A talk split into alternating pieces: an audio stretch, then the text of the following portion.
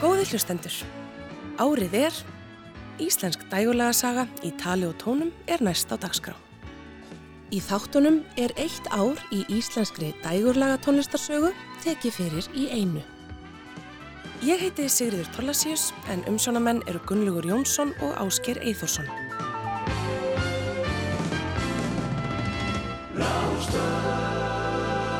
Árið er 1997.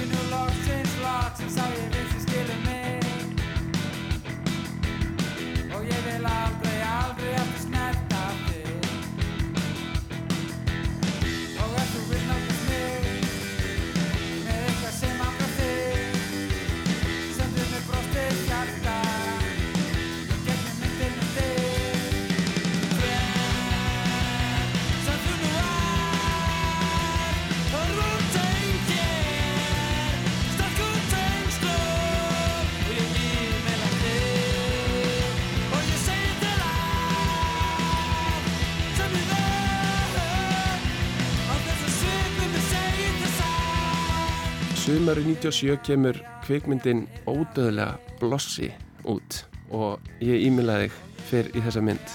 Og lægi verður bara mjög vinsælt og öll þessi plata sem að kemur út þarna um haustið fær rosalega góðar viðtökur.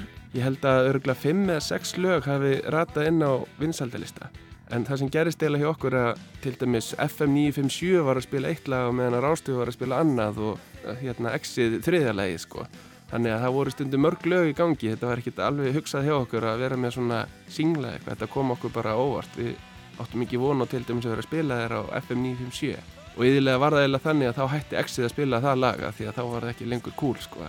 Egert Gíslason, bassarleikari Maus, sagði frá plötunni Láð mér að falla að þínu eira sem var þriðja hljóðursplata sveitarinnar. Og við heyrðum ég e-maila þig sem var fyrsta lagið sem fór í spilun. Upptökur fóru fram í grjótnámunni en aðtekli vakti að Roger O'Donnell, hljómbórsleikari The Cure, tók þátt í gerð plötunar. Og hvernig kom það til? Við erum miklir Cure-aðdöfandir, vægast sagt, og það er sérst að tannig að æsku vinkonakkar Elisabeth Davidsdóttir og Roger O'Donnell, hljómbórsleikari Cure, byrja saman. Og Elisabeth þekkir okkur frá, frá því bara í árbænum, frá því við vorum krakkar og myndir náttúrulega að við vorum miklir Cure-aðdöfandir og ykkur tíman hitti við þau og, og Roger segir við okkur að ekki spila á blöðun ykkar. Og við bara jújú jú. og svo heldum bara að vara að grínast sko en svo bara var hann ekkert að grínast og, og hann kom hérna og spilaði á öllum nema held ég bara einu lægi á blöðunni og hann fjall svona rosalega vel í hópin sko og við erum bara miklu vinnir og, og erum bara góði vinnir hans enn í dag. Og hann kom líka bara aðal, það sem skiptir aðalmálinu er að hann kom rosalega sterkur inn á þessari blödu en Við vorum mjög meðvitað um að við ætlum ekki að spila þessu sem einhverju algjöru trombi og svona mjög meðvitað voru ekki meðan mjög há, háan í mixinu. Það er, er svona píli, pínu mistök fyrst mér svona eftir á sko hann er, það er aðeins svo lágt í hljómborði á þessari plötu finnst mér. Með hvað hann er að gera alveg stórkostlega hluti á plötunni. Maður heyra hann svona í bakgrunni og hann svona liftir upp lögunum alveg og mjög skemmtilega hann hátt. Kisti mér fljótt allt í mig síðasta En ef þú sleppir, missið takir, verða sem hamashög á kristálnótu. Þessum flýsar fljúa, sökk í augun sem blóðtár. Og ef þú vil, þá skal ég ljúa þér. Ef þú vil, þá skal ég standa hér kér. Eitt, já aðeins eitt,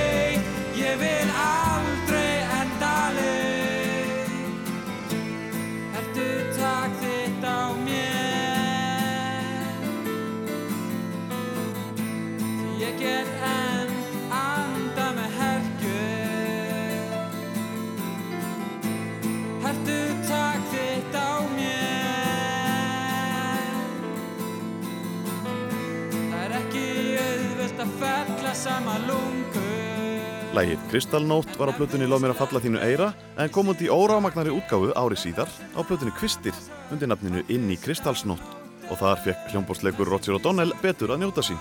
Lof mér að falla þínu eira fekk frábæra dóma og á íslensku tónlistarverlununum fekk maus nafnbótina Hljómsveit Ásins. Hér er sungið um ungfrú orðarleipi.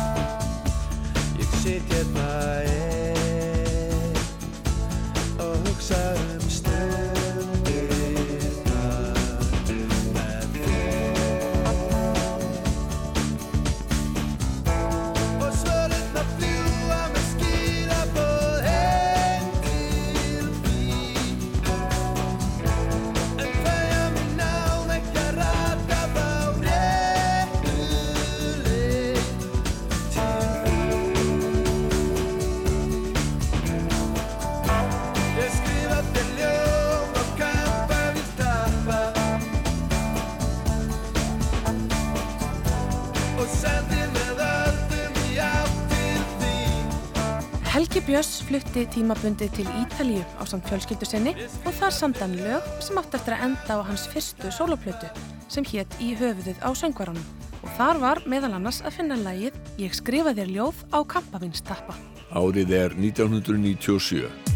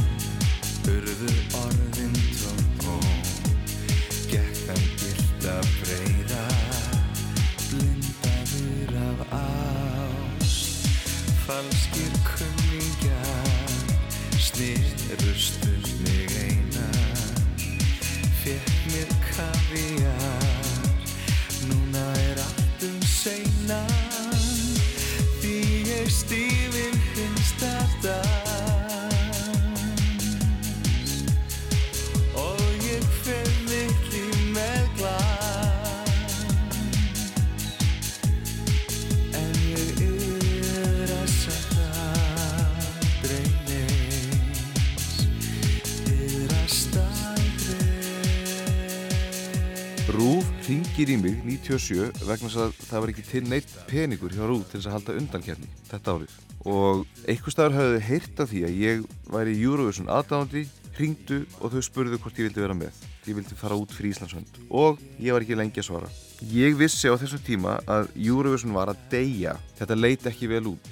Áhugi fólks á kettinni hafði dalað. Listamennir sem unnu kettinnar urðu ekki neitt neitt sigurlaugin úr keppninni seldist ekki neitt. Og ein kenningin var svo var að áhörður heim í stofu nenn ekki að sitjast niður fyrir fram að sjónvarpi í þrjá klukkutíma og fylgjast með síðan upp á hans lögunum sínum fara í vaskin og hafa ekkert við það að segja. Að það bara einhver ósýnileg domnend þarna sem réði bara þarna ríkjum og það væri auðvelt að múta þessu fólki. Mikil gött í kerfinu og algjörlega furðulegt að Írland og England væri alltaf að vinna bara vegna sem þau syngja á ennsku Þannig að ég sagði við Rúf, ég skal fara en með skilirðum. Ég fæ að fara þann út, gera það sem ég nákvæmlega sýnist og þið megið ekki spurja neittna spurninga. Þið hafið ekkert um málið að segja. Total listrænt frelsi, baðjum og þau sögðu já. Úr varð minn hinsti dans. Páll Óskar var síðasti keppandinn á svið í Point Theatre á Írlandi og með honum á sviðinu voru fjórir dansarar. Flutningurinn var augrandi og sérstaklega eftirminnilegur en allt kom fyrir ekki. Lægið hlautað þess átján stig og 20. sætið var staðrendin. Sigurlægið var Love Shine a Light með bresku hljómsveitinni Katrina and the Waves og þetta var fyrsta lag sveitarinnar sem vakti aðtikli frá því Walking on Sunshine slói gegn 12 árum áður. Páll Óskar bar sér vel eftir keppnina og var sérstaklega ánæður með að af þeim fjórum löndum sem gáfu Íslandi stig völdu þrjú þeirra lögin í gegnum símakostningu sem var nýlunda í keppninni þetta árið. En fimm lönd buðu upp á símakostningu til reynslu. Það var ekki fyrir árið 2004 sem öll þáttökulöndin tóku upp símakostningu á sama tíma og haldin var fórkeppni í fyrsta sinn. Þegar árangur Íslandinga fimm síðustu ár var tekin saman kom í ljós að Ísland varð að sitja hjá árið eftir. Sú regla var einfallega tekin upp vegna þess að ofmörg lönd vildu taka þátt í keppninni. Finna þurfti fyrirkomulag sem kemi vekk fyrir að keppnin yrði á stóri sniðum án þess að takmarka fjölda þeirra þjóða sem getur skráð sitt í keppni. Páll Óskar var gestur í áramótaþætti Dægurmálótar Rásar 2 á síðustu stundu. Í mínu tilfelli þá var Eurovision ákveðin vendipunktur og hérna og uh, já, ætli eftirmiljans sé ekki bara uh, hérna stundin fyrir tvei mínútur síðan þegar ég lendi í tíundarsæti sem maður ársins fyrir að koma okkur út úr Eurovision ég, hérna, ég veit ekki alveg hvort að ég sé alfarið samþykku þessu því að ég hérna, kom okkur nú ekki út úr kortinu einn mínslið sko. ástæðin fyrir því að við fáum ekki að keppa næsta ári er slagur árangur keppandana hérna undan það er að segja Björguns Haldurssonar, Önnu Mjallar Ingi Barga Stefáns og svona fleiri góður að kappa sko kannski þá uh, þurfum við bara, bara að býti það súra epli að kannski restina af Európu er kannski nokkuð sama um okkur þarna sem einhverja músikant einhver stór út, á hafi Já, þú einhvern veginn gerðir þetta nú listilega að, að koma okkur út úr keppni en vera samt einhvern veginn með Sigur Pálmann í höndunum þegar þú komst heim. Þú barst eins og þú hefðir unnið. Hva, hvað hafði þetta í för með sér fyrir þig? Já, líf mitt eiginlega bara gjör breyttist frá með þessari stundu Er- svona setni helmingurinn á árinu ég er búinn að ferðast alveg ótrúlega mikið og sjá og, og heyra í fólki sem að ég hef alveg ótrúlega mikið áhuga á að vinna með og hlakka til að vinna með í framtíðinni. Og það er nú svona, eh, þetta er alltaf að fara að dragast að landi sko, þú veist þetta í, í samvætti við öll þau mál. Og núna er ég bara að krossa puttuna að, að 1998 ali af sér plötu sem að verði svona nokkuð skona stökkpalli fyrir mig bara út sko. Og það er beint og óbeint Eurovision að kenna sko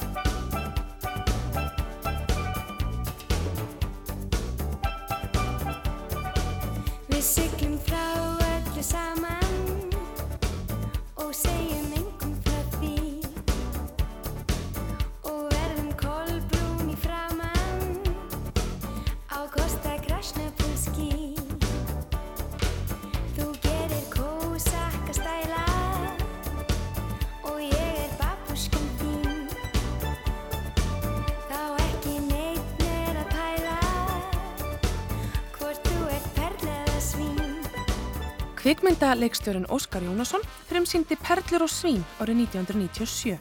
Það var fyrsta mynd hans frá því að Sódóma Reykjavík var sínd fimm árum fyrr. Í aðalhlutverkum voru þau Ólafía Hrönn Jónsdóttir og Jóhann Sigurðarsson og Emiliana Torini söng titillægið sem Ólafur Gaugur samti við texta Hallgríms Helgasonar.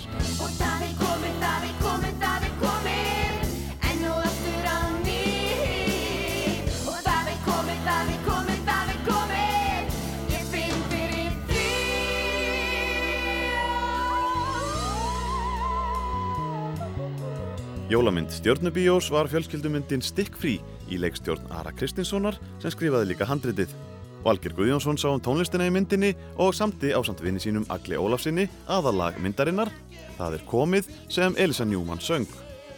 Július Kemp frumsýndi í byrjun ársins kvikmyndina Blossa í samvinnu við Friðrik Þór Friðriksson og fyrirtæki hans, íslensku kvikmyndasamstipuna. Í aðalhutverkum voru þau Þóra Dungal, Páll Banín og Finnur Jóhannesson, en þau voru öll að stíga sín fyrstu skref á hvíta tjaldinu. Tónlist var ábyrjandi myndinni og eitt af nýju lögunum var Sigurpappi með félögunum Davíð Magnúsinni og Otto Tínis sem kölluðu sig Talúla.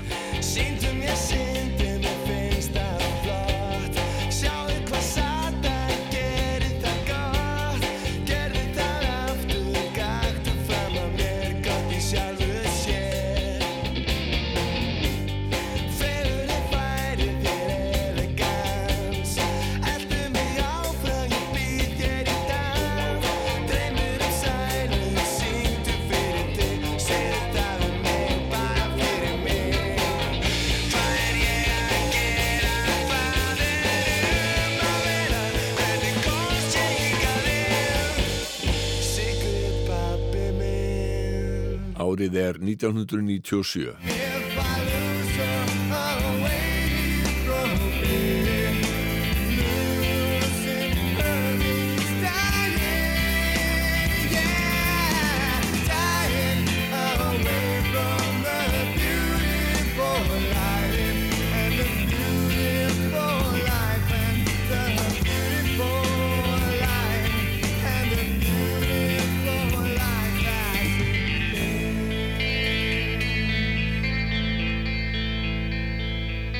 Hljómsveitin Land og Sýnir let fyrst á sig kræla árið 1996 þegar sveitin sendi frá sér lagið Beautiful Life sem var undir sterkum áhrifum frá Pearl Jam, hljómsveit sem liðsmenn Lands og Svona heldur mikið upp á.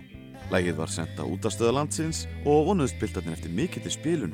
Reymur Örn Heimisson söngvari segir frá. góður útastmaður Gulli Helga hann segir við okkur strákar þetta er, þetta er flott og allt það en þið eigi bara að syngja á íslensku ekkert vera að rembast þarna á ennsku og við tókum þessu bara mjög bókstaflega farðu frá. Ég sé þig nú í nýju ljósi á annan stað. Ég vildi ég væri allt annar maður eins og þú. Fullkomin í alla staði en farðu frá á. Ég ætla að byggja hann upp með hraði verðu átrúnað að góði mitt við fórum í stúdíu og hérna þá var einhver búinn að segja við okkur að ef við ætlum að fá að spila einhver stað fyrir fólk þá erum við að fara að leta okkur aðeins og hérna og gera eitthvað. Þannig að það var lag sem við vorum búin að vera með sem grín í langan tíma sem að var í 6-8 sem að var í rauninni ástarfár og strákandi sögðu bara við förum ekki með þetta væl í stúdíu og verður að segja mig eitthvað hraðara þannig að ég tók rauninni ástarfár og ég hraðaði bara á því. Ég breytti því í vöðastaltur þannig að það er nákvæmlega nákvæmlega sömu hljóma sama uppbygging en bara önnur lælina þannig að það var farið í stúdíu með það snemm árs 97 og hérna tekið upp í Kópavóinu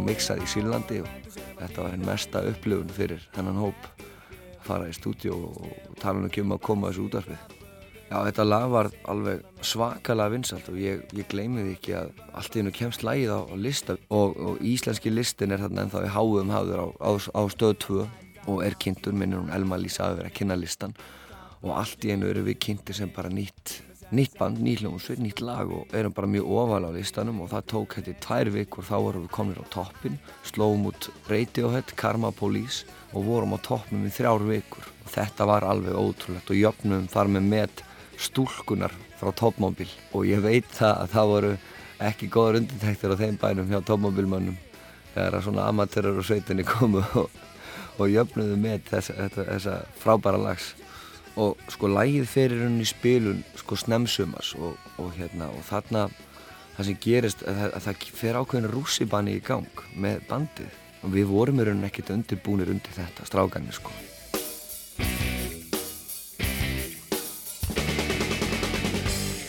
Önnur ný pophljómsveit sem stimplaði sig inn á þessu ári var á móti Sól sem líkt og landoseinir var einni af Suðurlandi. Sveitina stopnaði hljómsveitarstjórin Heimir Eyvindarsson haustið 1995 og fyrstu söngvararnir voru Birgir Jóhann Reyðarsson og Jóhanna Ír Jóhannsdóttir. Fyrsta platasveitarinnar, Gumpurinn, kom út 1997 og það lag sem náði mestum vinsældum var Djöfillari flottur eftir Heimi.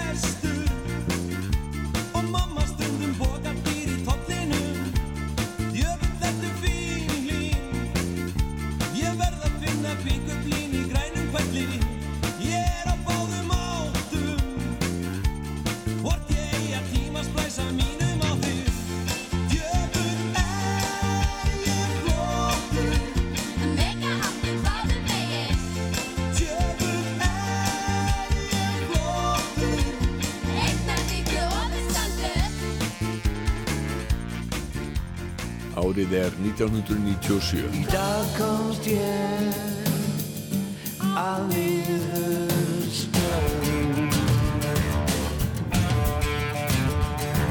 Ég geng minn veg með geði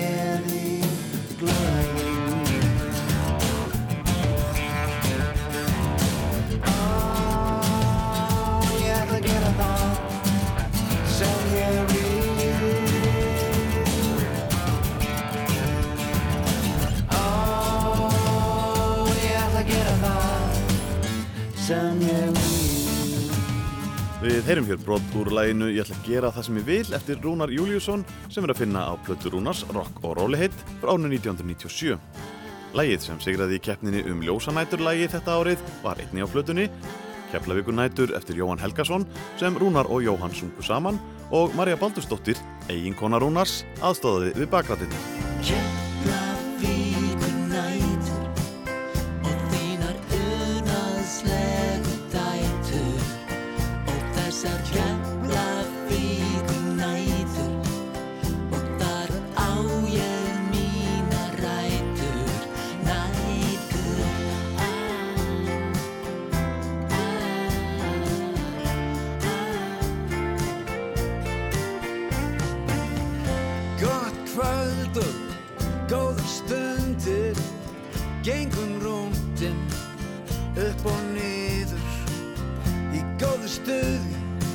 Gamli fundir gerjast mest Ást og friður. Manstu ungu, manstu krossin, manstu það sem okkur dreymdi, flottu laugin, fyrsta kossin, fyrringin sem hjarta geymdi.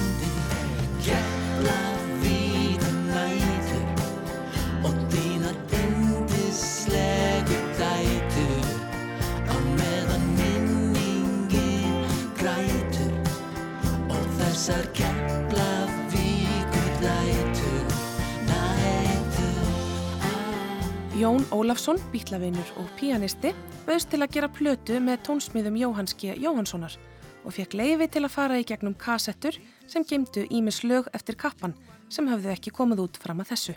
Jón kallaði saman nokkra af vinum sínum og platan Asking for Love skartaði landsliði íslenskra tónlistarmanna. Jóhann söng sjálfur fjögur af tólf lögum plötunar en á meðal söngvara sem lögðu honum lið voru Emiliana Torini, K.K., Steppi Hilmars, Selma Björns, Daniel Ágúst og Ellen Kristjáns sem söng lagið I Miss You Tonight. Oh baby, now that I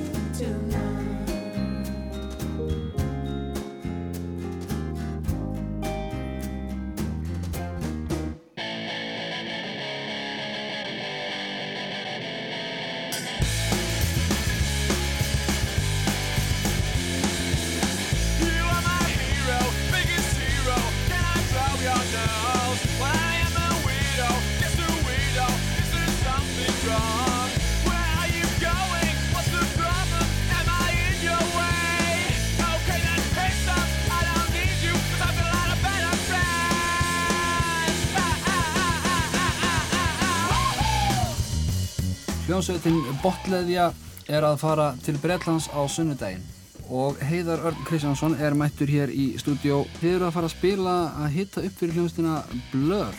Hvernig kom það til?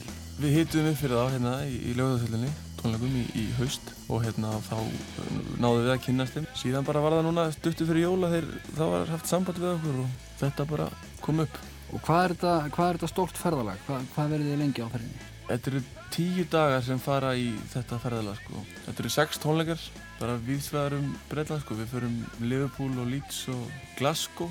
Heiðar Örn Kristjánsson, söngvar í botleiði, kom í dagumál útarpið á Rást 2 áður en hljómsveitin lagðist í Viking til Breitlands til að hitta upp fyrir Blur. Lægið My Biggest Hero kom út á saflutinni Super 5 en Blur piltar sáu botleiði fyrst spila á útgáfutónleikum plötunar og hrifust mjög af spilagleiði hapfiska tríósins. Svona lístu þeir Halli, Heiðar og Raggi stemmingunni á túrnum í þættinum Gemtin ekki glemt á Rás 2.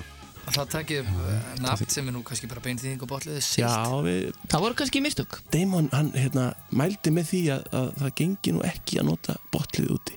Hann hitt okkur á hérna, kaffibarnum, hann var, hann var nú alltaf þar held ég, og sagði við okkur að við yrðum nú að finna eitthvað annan nafn, sko, þetta myndi nú ekki ganga í bresku pressinu, sko, að Mhm. vera með eitthvað svona, svona nafn sem að engin skildi að geti borið fram. Þannig að við fórum í, orðabók og það var bara beinþýðing.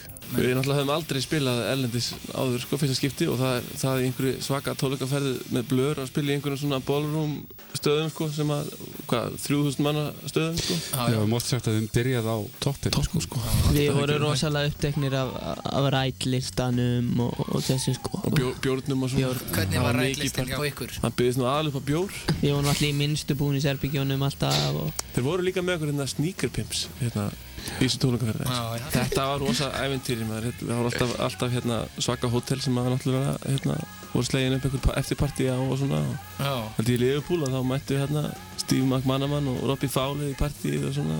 Ég man ég gerði, gerði svona mistök sko. Við vorum að draga einhverjar úlingstelpur í þessi partí og sem voru bara að koma til að ángra þá sko. Skilur við hérna blöðgörana sko. Já. Við fengum ekki prigg fyrir það. Botleiðja gerði stormandi lukku í tónleikaferðinni en hvernig gekk að fóta sig í útlöndum í framhaldinu? Halli og Heiðar svara því. Við svona náðum einhvern veginn ekki að, að hérna, fylgja þessu eftir eða, eða hérna, kom ekki þannig neitt mikið út úr þessu fyrir okkur sko. Við náttúrulega sko vorum alveg grænir í þessum heimi sko og vorum ekki heimi í kringum okkur og þetta hefði verið hægt að nýta þetta miklu, miklu betur sko. Það snýst oft sko minnstu músík, músíkina sko að þetta snýst oft svo mikið um hversu gott teimið ert með kringu þig til þess að vinna undirbúsinuna áður en að hún spilar á okkur tónleikum svo að þið réttu mennir séu að horfa á þig og a- allt svona sko. I hope you're feeling happy now.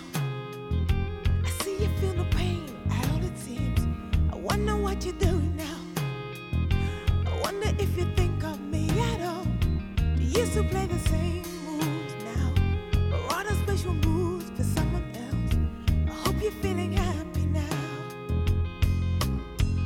Enska hljómsveitin Skönka Nancy naut mikill að vinsalda á Íslandi þegar hún kom til landsins um vorið og hjælt tónleika í Lögadalsöll. Nýjasta platasveitarinnar, hinn áskamla Stús, var söluhæsta plata landsins og lagið Hedonism var á toppnum á íslenska listanum þegar tónleikarnir fóru fram. Höllin var sneisa full og stemningin það góð að trommari sveitarinnar, Mark Richardson, sagði í viðtali við Djafaf að tónleikagestir hafi verið þeir bestu, hávarustu og þeir klikkuðustu sem sveitin hafi spilað fyrir. Það liður svo ekki nema fjórir mánuðir þang til skinn og félagar hennar í Skankanansi heldu öðru sinni tónleika í höllinni og sem fyrr fekk sveitin frábærar viðtökur. Enski tónlistamæðurinn Gordon Sumner, betur þekktu sem Sting, hjælt tónleika í lögurdarsöll í lok júni. Mikill viðbúnaður var fyrir tónleikana því rúsnesk flutningavél kom til landsins með mikinn og flókin sviðsbúnað. Auk þess var sviðið sérstaklega hækkað því árið áður hafði verið kvartað undan því að sviðið væri á lágt á David Bowie tónleikunum. Átti 5.000 manns mættu á tónleika og fekk skagamærin Anna Halldórsdóttir þann heiður að hita upp fyrir gamla popgóðið. Tónleikarnir hefnuðust vel en aðtekli vakti að Sting veitti engin viðtöl á meðan hann dvaldi hér á landi.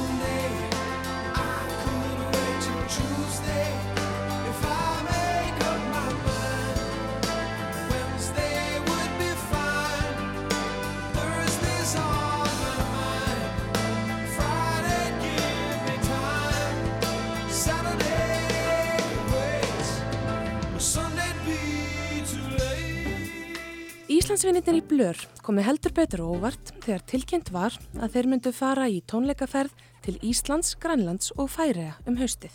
Sérstakur gestur á tónleikunum í höllinni var bandaríska hljómsveitin Bloodhound Gang. Enska hljómsveitin Massive Attack hjælt tónleika í Kaplakrika í Hafnarfyrði 16. júni. Sveitin hefði gefið plötuna Protection árið 1994 en um þetta leiti stóðu yfir plötu upptökur á þeirra þriðju breiðskifu sem kom út vorið eftir og fekk nafnið Messaning. Darren Emerson úr Underworld heitaði upp á samt Guðskus sem spilaði á sínum síðustu tónleikum á Íslandi áður en hópurinn lagði af stað í tónleikaferðum Evrópu.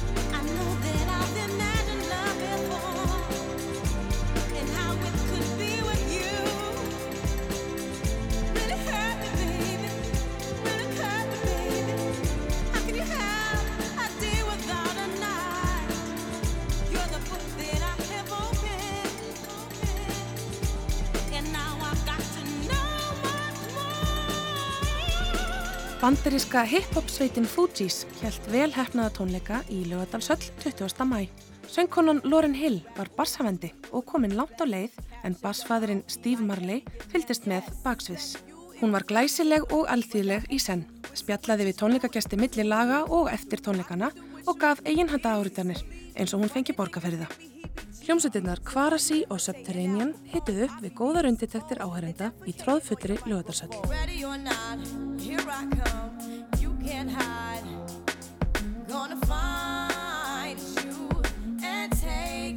slowly. Til stóða bandaríski rapparinn Old Dirty Bastard úr Wu-Tang Clan myndi tróða upp í lögadagsvöllum jólin en tónleikunum var að fresta eftir að hann lendi í árekstri á leiðinni á flugvöllin. Allt var til reyðu og mikil eftirvænting rúmlega 4000 miðaegenda en ekkert varð af tónleikunum vegna innvortis meðsla Old Dirty Bastard.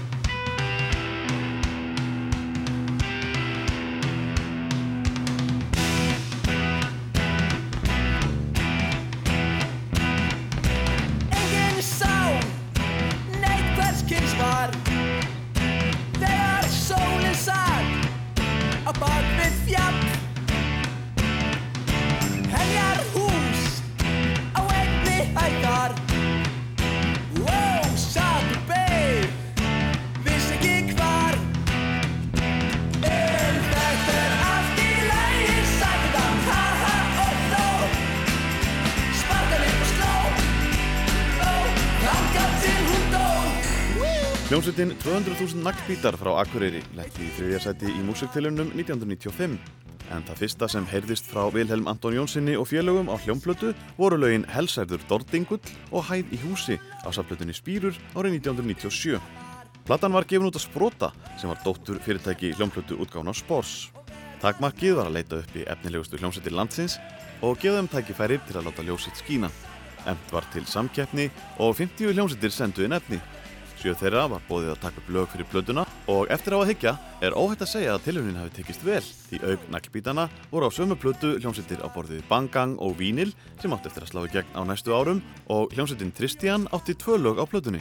Þar var fremstur meðal jafningja Pétur Ben sem söng og spilaði á gítar en með honum í bandinu voru Óttar Sæmundsen bassaleikari, Stefán Már Magnússon gítarleikari og Bjarni Grímsson trommuleikari.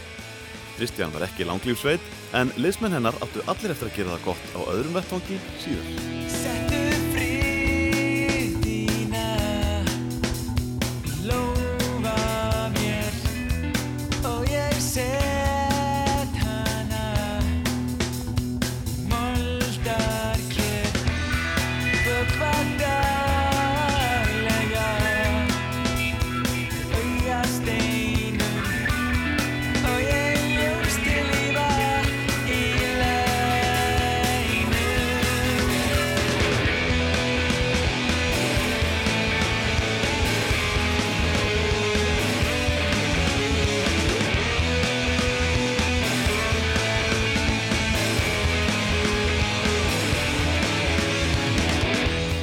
Hljómsveitin Bangang átti líka tvö lög á saplutinni Spýrum.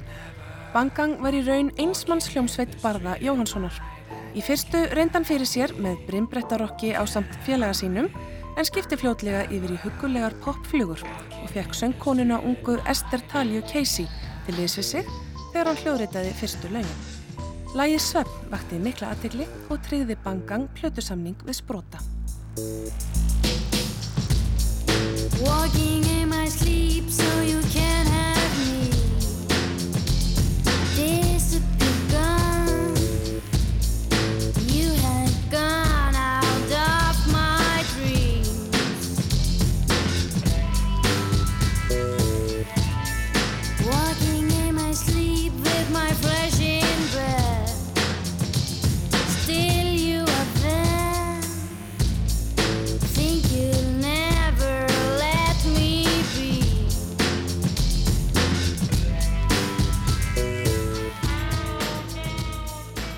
Hvenær bjóstu til þetta fyrir bara í Bang Gang? Þetta hérna var til sagt þegar ég og Henrik félagi minn sem að nú er í hljómsveitinni Singapore Sling stofnaði svona surf- surfhljómsveit í gamla daga. Gáðum út eina sjötómu sem hétt Listen Baby. Og leikum á einhverjum tónleikum og, og þarna voru góðir menn sem leikum með og, og ég held að við hefum leikið á þremur eða fjórum tónleikum. Sem Bangan Já, síðan lognaðist þetta út af og ég fór að gera einhverja músík heima og Ester, ég hafði alltaf gríðalegt álæti af hennar rödd og hún söng inn á demo með mér. Og síðan bauðst okkur samningur við, eða sapplötu, einhver samningur. Og það vantaði nafn. Og eftir mikla orðabóka leit þá ringdi ég Henrik og spurði hvort ég mætti ekki bara nota þetta nafn áfram Barði Bangang Jóhansson sagði frá upphafsári hljómsveitarinnar í þættinum Geitin ekki glemt á Rás 2. Vínill átti líka tvö lög á saflutunni Spýrur. Týpurarnir Kristinn og Guðlaugur Júniusinnir, bræður söngkonar Móu, voru í hljómsveitinni Tjáls Gissur þegar Gunnar Bjarni úr Djettblagt Jó vélaði þá til samstarfs árið 1996 og útkoman var hljómsveitin Djett sem var ekki langlýf. Árið eftir stopnum Kristinn og Guðlaugur hljómsveitina Vínill og fengu til liðs við sig hljómbásleikaran Þórhald Bergmann og gítarleikaran Arnar Guðjónsson. Sá síðarnemdi varð síðar fórsprakki lífs og fymti maðurinn sem kom á stopnun Vínils var bassaleikarin Georg Holm sem einnig var í Sigur Rós. Þessi félagar fóru saman í hljóðverð og lægið Flókið einfalt fekk ágæta spilun og komst inn á vinsaldalista.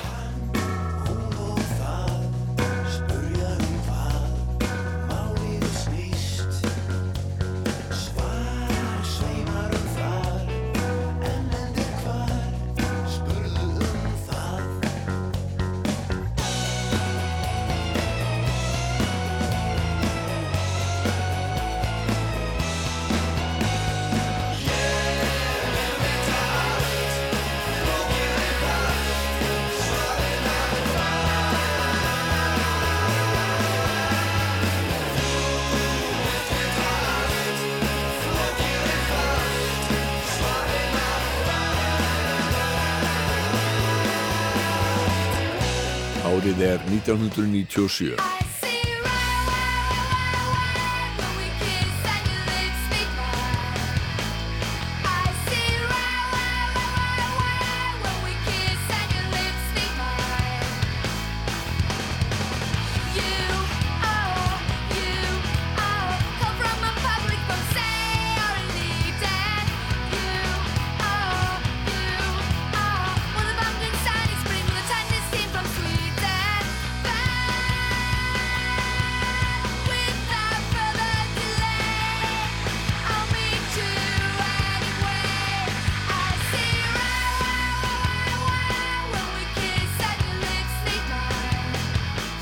náttúrulega naut, nutum við fyrri afreika Þórs á þessu sviði með Sigurmólunum og Árni Benediktsson, bróður Einars og, og fyrirvænd umbúrsmaður Sigurmóluna bara tók að sér það verkefni að reyna að koma sér eitthvað á koppin í útlöndum. Og oft það sem við mættum til að spila þá var svona unun og svo fyrir meðan eitthvað featuring Thor from Circle Cubes. Þannig að þetta var svona dálítið stert auðlýsingatryggs að geta veifa þessu ég hef og betur fyrir búin að gleyma svona öllum smáatriðum í þessu make-ferli en þetta var þetta að hjælt manni á, á tánum í 2-3 ár og maður þurfti ekki að vera í 9-5 vinn og meðan. Þannig að þetta var allan að það gott. Við heyrðum Gunnar Hjálmarsson tala um útrás önunar á erlendamarkaði sem hófst árið 1995 þegar lögunum á plötunni Æ var snarað á enska tungu og þau gefin út á plötunni Super Shiny Dreams. Við heyrum lægið I See Red sem var gefið út á smáskifu í Breitlandi árið 1997 en það lag var einnig á sapskifunni BBC Future Hits 29 sem var sendt til útvarstöða um allan heim. Unun spilaði víða á þessum árum, mest á litlum stöðum í Breitlandi en hápunkturinn var sumarið 1997 þegar sveitin spilaði í gulatjaldinu á Hróaskjalduháttíðinni í Danmarku. Unun komst svo nálat því að landa vænlegum plötusamningi en á síðustu stundu snýrust vopnin í höndum sveitarinnar. Þetta Go Disc fyrirtæki já? Ég held að það hafi verið það sem við fórum upp á Snæfellsjökul til að skrifa undir samningin maður átti að passa sig að fara, fara ekki með neitt beint í blöðin en svo þegar við heldum að þetta væri alveg að smetla þá letuðum við þetta og, vorum í einhverjum fréttatímum út af þessu. En svo sem sagt eigandi þess fyrirtækis hann seldi fyrirtæki bara eitthvað daginn áður eitthvað en þetta átti alltaf átt að skeja og stofnaði annað fyrirtæki sem hétt Independienti þar sem hann hafi tvö bönd til að velja úr hvort hann, hvort hann vildi hafa á þessu nýja merki Unun og Travis og hann, hann valdi Travis. Og við þurftum þá að byrja í aftur frá byrjunarreitt og vorum komnir ansi langt hjá fyrirtæki sem heitir eða hétt Deceptive og hafði helst sér til ágætis að vera fyrirtæki sem gaf út Elastica og Súl Hjónsveit hafði, hafði slegið í gegn doldið rækilega með sinni fyrstu plötu. Og nú var beðið eftir að hljónstin kemur með aðra plötu. Og við vorum einhvern veginn svona í einhverju limbói og það kom út einhverjar smá skífur held ég, eina eða tvær. En Elastica klikkaði á þessu hún hérna, náði aldrei að gera eins gott stöf eins og fyrsta plötan já, á bara með heimsræðar alveg í 2-3 ár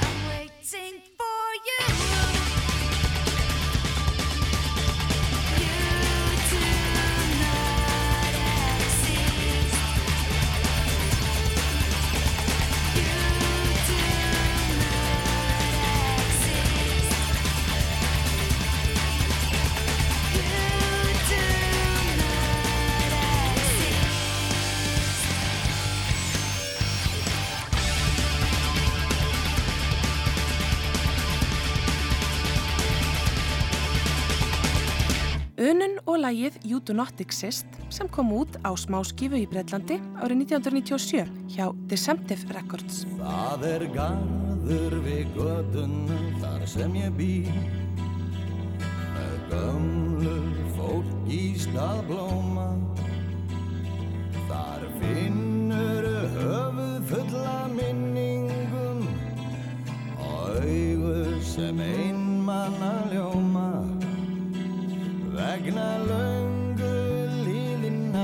kossa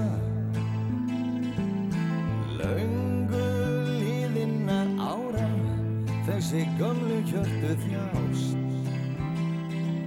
Og lífir eins lengi og þau lífa þessi gamla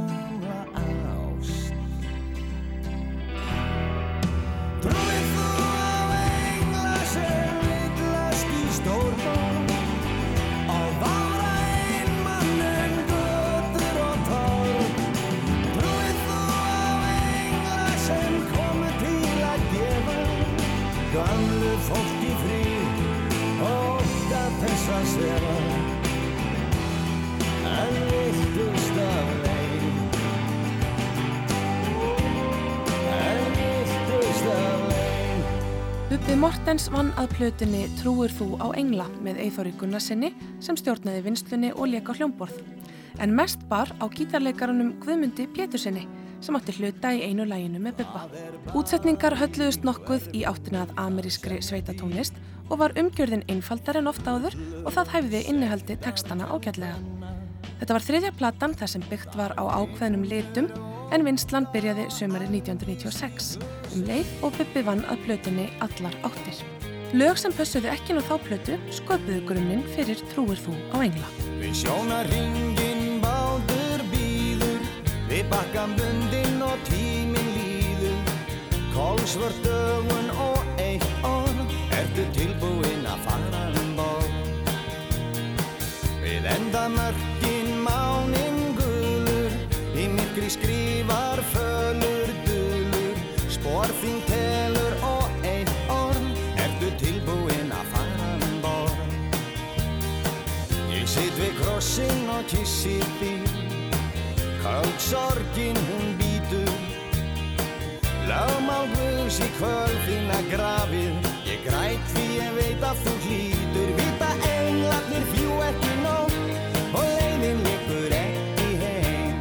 Árið er 1997.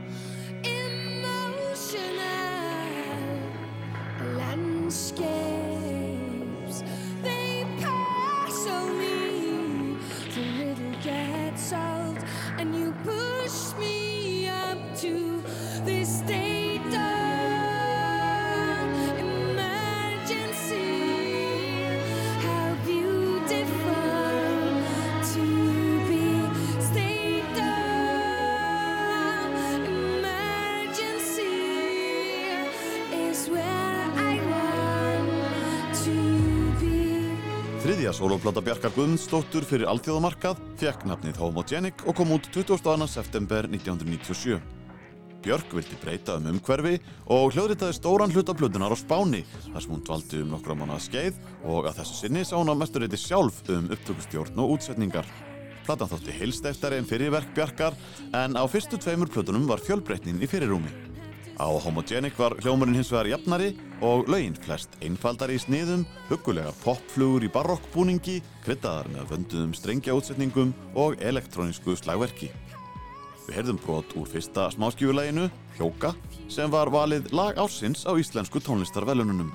Björk saði frá því viðtali í undirtónum að hún hafi sami lagið til vinkonu sinnar upp á einhverju felli í Grímsnesi undir geðveikum norðurljósum og saði líka að Homogenic ætti bara að vera eitt bragð, ein stefna en ekki 90 eins og á fyrstu tveimur plötunum.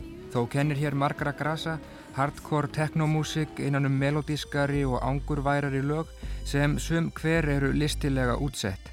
Björk segir að nýja platan eigi að vera eins og krú sem er full af kúlum og þær eru allar bleikar. Þessi kúla er nummer eitt og heitir Hunter. If travel is searching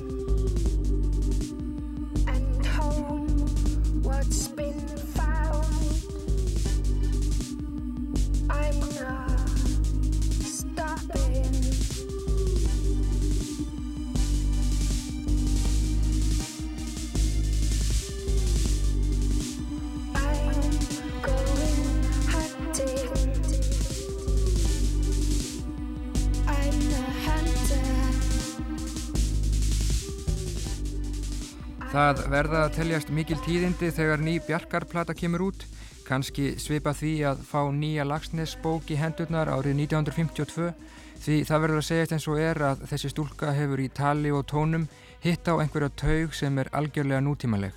Í tónlist hennar er allt leifilegt, en þó undir þeim persónulegu formerkjum sem hafa einkent tónlist hennar alla tíð, ætli einhvers konar frelsi sé ekki líkil orð í tónlist Bjarkar, frelsi til að taka inn áhrif úr óvæntum áttum frá indverskri kvikmyndatónlist, strengjakvartettum, stokkhásem og skverpúser en allt þetta lagar Björk að sínu eigin höfði og stíl sem er óumdeilanlega hennar.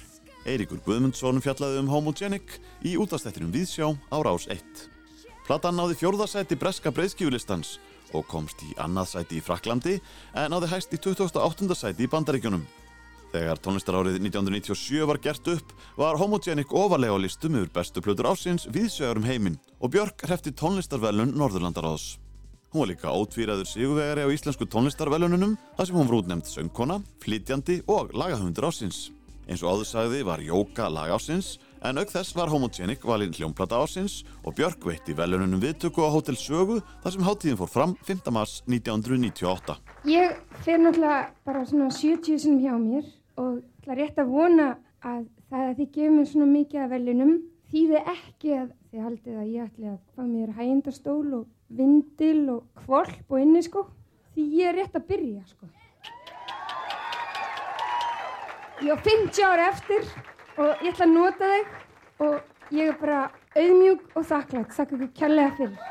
Smáskífulag nr. 2 af plötunni Homogenic var Bachelorette. Björk samti lagið en Sjón textan og það var uppalega samið fyrir ónefnda bíómynd ítalska kvikmyndalegstjórnans Bernardos Bertolucci sem hægt var við að framleiða. Bachelorette og Jóka voru bæði tilnefnd sem lag ásins og þegar Björk og Sjón tóku við stittunni fyrir lag ásins tók textahöfundurinn til máls. Ég vil bara þakka fyrir hönd okkar begja sko. Ég held hins vegar að náttúrulega með tvö lög í keppninu og svona, það er Bachelorette sem myndi vinna og ég snaraði hérna fjórum línum úr því á íslensku. Svona bara heima hjá mér sko því að ég var svona að kalkulera hvort lagi myndi vinna og á, veðjaði á Bachelorette og ég snaraði á íslensku. Ég er björk sem ber hjörtu, líðum greinunum á, þú ert karlinn sem kemur, klippir stilkana. Á!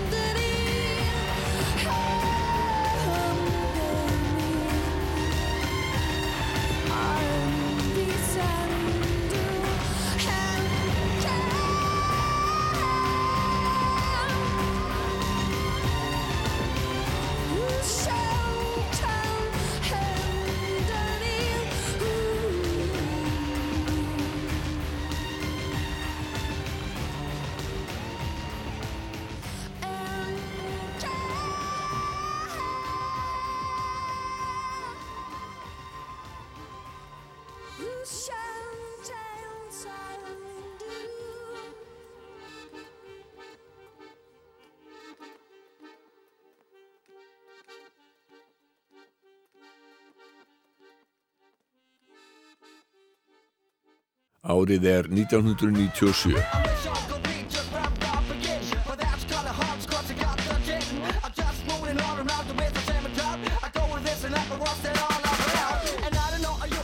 eina hljómsveitunum sem við höfum verið að spila með og svona strákar sem við höfum kynst aðeins og strákar þeir í botlu þannig að það kemur upp raun og veru þessi hugmyndum að gera lag með þeim og, og einhvern veginn fór það lag í íslenska bíómynd hann á þessum tíma þetta var nú kannski eftir að haukja aðalega hvar þessi lag en botluðistrákarnir komu og spiluðu hans í því. Það var mjög vinsalt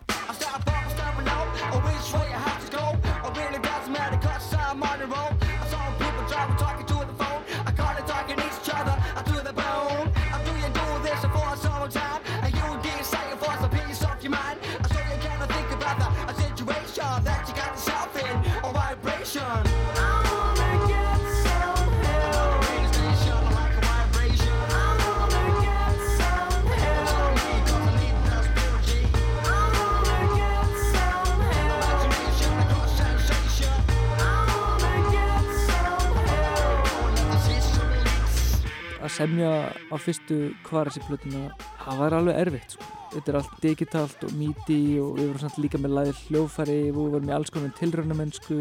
Til dæmis mann ég við vorum að taka upp Cats 22 þá vorum við að klára læði daginn eftir áttur að fara út í framleyslu og, og við vorum að notast við stafrann upptökutækna þessum tíma sem var ótrúlega fremstæð og það gerist hennilega að við vorum að taka upp svona vídeospólur að vídeospólan krumpast þannig að helmingurinn og það sem við þurftum að gera var að að ringja alla sem spilaði læginu og sungi í læginu og láta það að taka aftur upp sína parta um nóttina og því að lægi aftur að fara í framleyslu daginn eftir þannig að það var svona hlutir sem, sem kom upp sko, svona tæknilegir og alls konar hlutir sem gerði fyrstu hvaðar þessi breyðskjöfuna ótrúlega ævintýri raunar.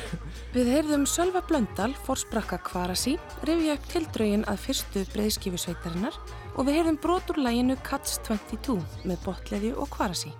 Lægið hljómaði í kveikmyndinni Blossi sem kom út um vorið.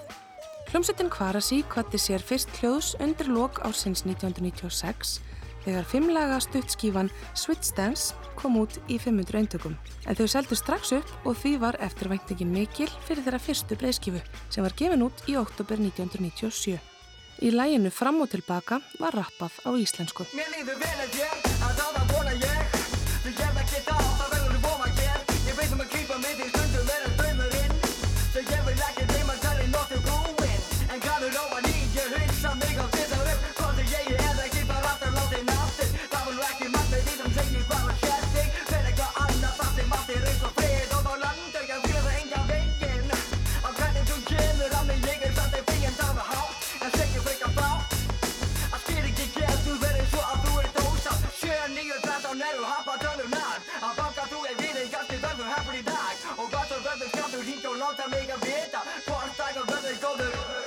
Það gekk rosalega vel og platan kom út hann í oktober 97 og gerði og bara glimrandi success. Við áttum hellinga vinsana lögum og seldum plötuna í 6000 stykkjum sem líka er held ég bara mjög óvennilegt með þennan tíma.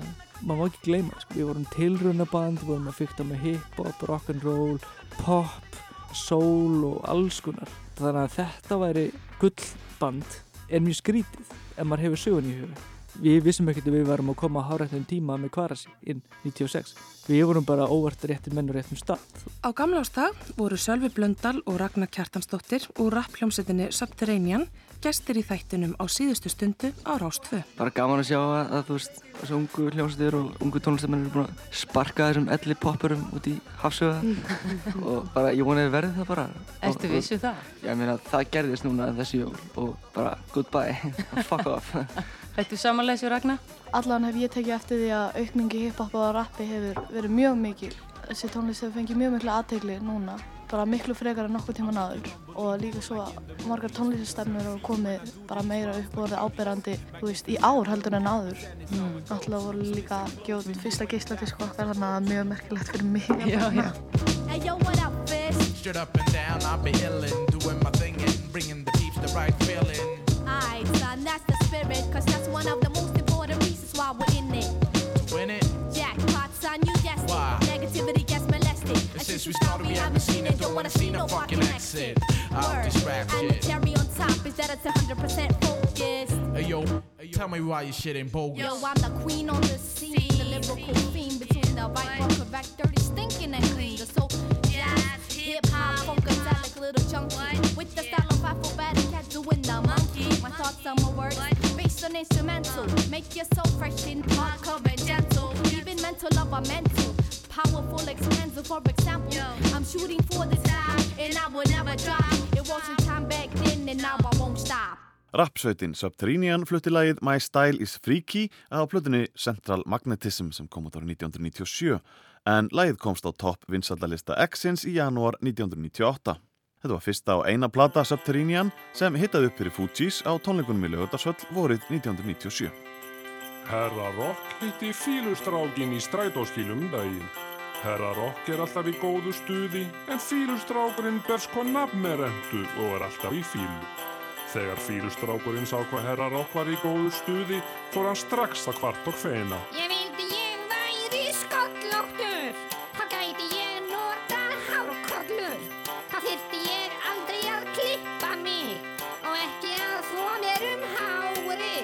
Þetta leist nú Herra Rock ekkert á og hann söng. Heyrðu góðu minn. Ha, ég? Mikið bullar þú í dag. Nei, nei. Má ekki bjóður upp á ís? Nei, þakka þig fyrir. Eða viltu kannski geta það sem hún til frís Hér er komin góði gestur. Og hvað er það? Já, hann er hérna hjá með sestur. Ég er alveg saman Og nú ætlar hann að taka gítarsóló. Við gáum út plötuna Æ 94 og svo vorum við 2-3 ára Óta okkar tóta í útlöndum og reyna með það og þegar var svona minna að gerast í því þá fekk ég þess að hugmynd að gera barnaplötu og hafði þegar ég var bjóð í Fraklandi búið til spólu í þremur eintökum fyrir börn sískina minn á Íslandi og sendi mér jólagjöf. Og uppalega hugmyndin var að endur nýta einhvað af þeim lögum sem hafði verið á svo spólu en það var ekkert lag sem að hjælt lífi eftir niðurskurð. En eh, eina sem að var notað aftur það var hérna endirinn á plötunni. Og svo bara fór maður að semja og maður var náttúrulega meðvitað um það að maður tók náttúrulega þann pól í hæðina með þetta eða maður var með ákveðna plötur í huga náttúrulega þessar klassísku barnaplötur íslenskar. Eninga Meninga Lögunga Fórsins einu sinni var og svo Ómar Ragnarsson. Þetta var svona fyrirmyndirnar. Það hafði ekkert skemmtilegt barnaefni komið út kannski í 20 ár þetta, þetta var sko, allt fyrir að glata aðra svona kóver bara og hérna, já svo Það bara, var gat á markan. ég vildi bara gera góða barnaföldu, skemmtilega sem að líka fullorðni gætu haft gaman að þannig að ég fór bara að semja á Gunnar Hjálmarsson sagði frá barnaplutinni Abba sem kom út undir lok árs 1997. Hann hafði notast við listamannanefnið Dr. Gunni á sólaplutum og kassettum sem Erðan og Músik gaf út og innihjeldu aðalega grjóthart og pöngskoti rock. Og það kom því mörgum óvart þegar Dr. Gunni fór að semja og syngja barnalög. Við heyrðum Rúnar Júliusson syngja í læginu Herra Rock og Fílustrákurinn. Það sem hann var í hlutverki Herra Rock en Gunni söng sjálfur fyrir Fílustrákin. Meðal annara gestasöngvar á plötunni voru Heiða í Unnun, Magga Stína, Skafti Ólafs og Páll Óskar. Lægið um prumpufólkið vakti aðtegli á plötunni og hefur verið kyrja síðan. En það voru ekki allir sáttir við textan eins og Gunni rifjaði upp í viðtali við Pálsson og Littla sem við heyrum brot úr hér á eftir. Og kallinn prumpar svona Og konan prumpar svona Og krakkarnir prumpa með La la la la la la la la la la la la la En fullotna fólki það var brjálað Og skammaði börnin sín Það er dónaskapur að prumpa Já, það er sko alls ekkert grín Og lögga kom á hjóli og spurði Hvað þykist þið geta? Ég heiti Siggi Stóri Og ég kann sko að frétta Og löggan prumpar svona Og kallinn prumpar svona Og konan prumpar svona Og krakkarnir prumpa með La la la la la la la la la la la la la Þetta er hvað þitt vinsasta lag Já, allir hófst. það ekki, ætla að stend, standi ekki á legsteinunum og kallin prumpar svona. ég man ekki alveg, á einhverjum tímapunkti kom þetta lag. Sko, ég held að uppalega hugmyndin hafi verið svo að ég ætla að nota aftur hérna Ómar Ragnarsson lagið Sumi hlæja og svo ætla ég eitthvað hafi staðinn Sumi prumpa svona. Ja, veist, og svo fræðis en svo þróaðist svo hugmynd út í það að ég bað Jón Gnarr um að hjálpa mér að semja texta og hann samti tvo texta á plötunni Óli hunda Óli og svo Prumpu fólkið eða Prumpu lægið eins og ég hef nú betur átt að kalla það bara Já, það er alltaf kallað Já, það er alltaf að kalla það sko. Krökkum finnst prump alveg óbóðslega fyndið. Já, já, eins og náttúrulega öllum finnst Það fyndið. er. En var og, það, hérna, og það hafði náttúrulega engin barna efnishöfundur nýtt sér þetta. Mér fannst þetta bara alveg liggja ljóst fyrir. Þetta var svona fyrsta lag sem ég fór með í spílun og ég sendi svona fjáralaga sampler á kassetu á alla leikskóla á landinu bestu laun á plötunni og ekki eitt svar. Ekki neitt það er samvældið minn og ég veit ekki hvað verður með svo spólur en þetta var mjög, mjög dýr mjög dýr kynningastarfsemi tekið yfir það. Það tekið yfir lögin. og svo fór maður að heyra það að þessi plata væri bönnu á einhverju barna á einhverju leikskólum. Og svo bara komið út og, og einhvað, einhver fór að spila þetta. Og svo mann ég svona fyrsti votturinn sem ég sá að þetta væri kannski að verða einhver mega hittari og var að einhver svona hafa að fara að bögga mút á götu sko, krakkarnir, að því ég náttúrulega gerði myndband sem að fór í spilun, þannig að krakkarnir gáttu tengt saman lagið og, og mig þannig að það var alveg stanslöst svona. Einhvað að vera að freda eftir mér í, í, í, í svona þrjú og fjóra ár Árið er 1997. Við skuldum þér ekki svo lítið í lausum gæðum. En það er lítið að hætta á því að verðirðum réttin til fjár. Eftir alla þá gleði og gyrnd sem hefur þú. Kveikt grotnandi huga örlæti börnmaður á Endum uppljóma varlætin meðustu á Megas gerði plötuna Fláa veröld með Pétri Stefánsinni og hljómsveit sem var skipuð Björgvinni Gíslasinni, Sigurði Reynisinni, Haraldi Þorstensinni og Jóni Ólafsinni. Platan fekk góða dóma og margir gaggrinundur vildu meina að lagið sem hér hljómar undir væri eitt af betri lögum plötunar.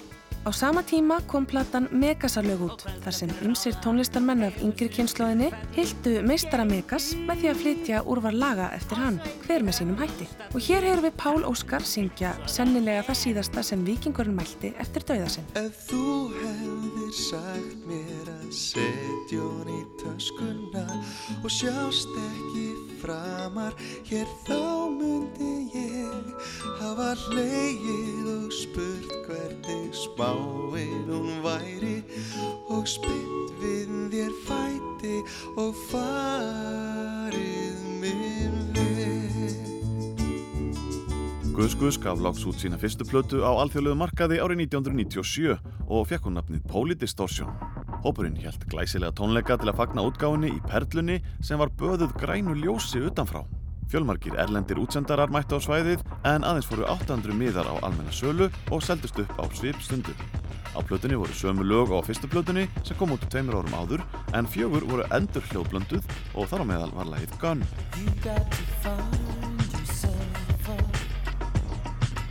You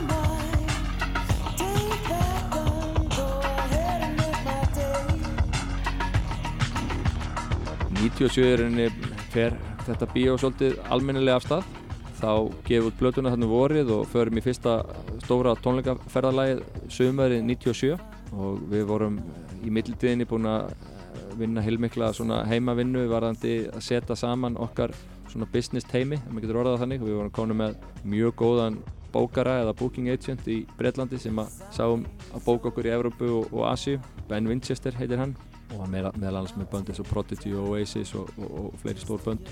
Í bandaríkjunum voru við komin í sambandi við mikinn Íslandsvinn sem heitir Mark Geiger og hafði unni með Björk og Sigurmólunum á sínum tíma og er einn af svona þessum stóru spöðum í bransanum enn þetta í dag. Það er með Kraftwerk og Red Hot Chili Pepper og fullt af risa böndum. Þannig við vorum komin með svona mjög sterkt heimi. Við vorum búin að gera höfundaréttasamning við Polygram í bandaríkjónum í mittiltíðinni og með vilja gert að gera það í bandaríkjónum því að það eru langmestu peningarnir í höfundaréttar bransanum, bara í Hollywood einfallega nýta höfundaréttin í, í önnur höfundaverk, kvikmyndir, auglýsingar og svo framins tölvuleiki í setjum tíð. Baldur Stefánsson sagði frá undirbúningnum við að koma verkum Gus Gus út fyrir landsteinana og það var ekki eftir neina að býða. Þetta var orðið svona tölvert umfóksmikið batteri og mikil eftirvæting bæði eh, náttúrulega hjá neytendum en ekki síður í bransanum. Það var orðið svona smá buss og það væri hérna eitthvað að fara á stað. Þannig að sömurinn 97 þá erum við bókaðir á öll stærstu festivalin í Európu, Hróaskjöldu, Glastonbury og fleiri stór festival og í bandaríkjunum tökum við mjög stóran túr, 30 borga túr og uh, í þessum fyrsta túr var Bresk Kljómsveit sem var þá aðeins að reyða sér til rúms í, í bandaríkjunum Corner Shop heita þeir og þeir hitu upp fyrir okkur. Þetta gekk allt mjög vel þannig að eiginlega í kjölfarað á þessu þá svona byrjar þessi snjóbolti að, að, að rúlla. If God will send his angels And if God will send a sign And if God will send his angels Will everything be alright Í Hollywood var eftir því tekið að Gus Gus var að gera meira en bara tónlist. Í myndböndin sem Siggi Kjartans og Stefán Árni voru að gera vöktu aðtikli hjá umbóðsskrifstofunni Satellite Films sem á þessum tíma hafði meðal hans innanbórs leikstjórna Michelle Gondry og Spike Jones. Eitt af fyrstu verkefnum sem við fengum á vegum þessa fyrirtækis var að pizza í að gera músikvídeó fyrir U2. Þeir sem sagt fengu skoða efni fyrir okkur og, og leistu vel á og, og, og við vorum beðnir að gera handrit fyrir lag sem var þá á leiðinni í útgáðu sem smáskifa sem að heitir If God Will Send His Angels og var á plötunni Pop, ef maður rétt. Já, já, við gerðum handrit og sendum á það og þeir voru hrifnir og, og við fórum að hittum það, fórum og sáum tónleika þeim á Wembley hérna 97 og hittum það eftir tónleikana og það var mjög áhugavert, svona á þess að fara kannski út í allt smáatrið, þá var handritið gekk út á það að það var knastbynduleikur svona miðja síðustu öld sem að háður var í Suður Fraklandi í, í góðu veðri og svolítið old school. Og þar var Bono fyrirliði gestaliðsins, hins illa gestaliðs Larry Mullen markmaður í góða heimaliðinu. Og uh, Adam Clayton var hérna átti að vera lögurlu þjófni og, og Eds átti að vera dómarinn og þetta var svona ákveðin humor en, en svona ákveðin sjarmi líka og þeim fannst þetta mjög spennandi en á endanum þá völdu þeir og örgulega hafði plötu fyrir ekki eitthvað, eitthvað með það að gera fóru svona hefðbundari leið en þetta var skemmtilegu ferill og gaman að hitta það og, og svona sjá hvernig þeir, hvernig þeir nálgast hlutina. Stefán Átni og Siggi Kjartans tóku síðar upp nafnið Átni og Kinski og hafa síðan þá unnið í samstarfi við Satellite Films og gert auglýsingar fyrir stórfyrirtæki í bandaríkjónum og tónlistamindbönd fyrir hljómsveitir á borð við Sigur Rós, Florence and the Machine, Snow Patrol og Placebo. Hún tuklaði, þreifaði, káað á mér mátaði. Ég fór henni vel, hún var ánægð, stærðin virtist hendinni. Lyktin af líkama hennar, lagðum allt og festist í mér. Leið svo vel, ég lakkaði til að eyða með einn æfinni Komdu, þig í mig, verð að fá að koma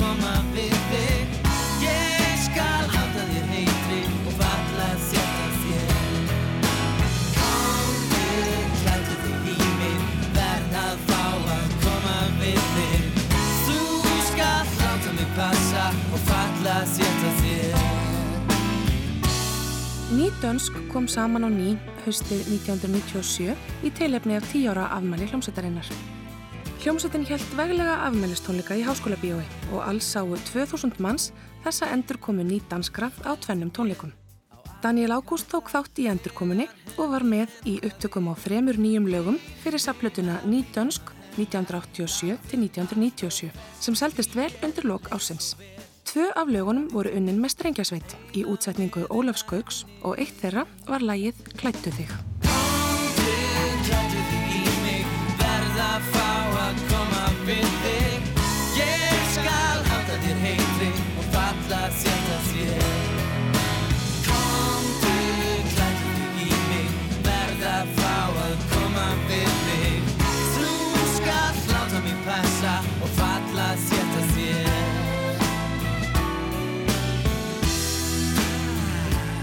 Árið er 1997. In my mind I see the image of the landscape in your eyes. Then I open up my own. But the mist is too deep, too dark.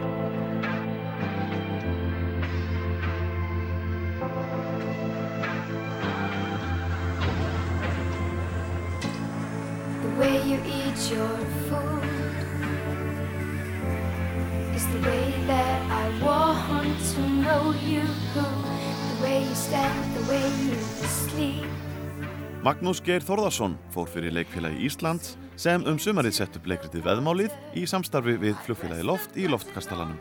Í aðalhuturkum voru Baltasar Kormákur, Benedikt Ellingsson, Kjartan Guðjónsson og Margrét Vilhjámsdóttir.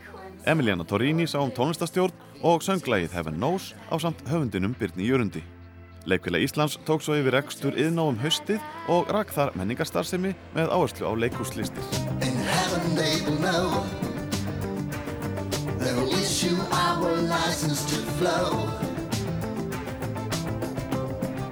Heaven will know But we need to come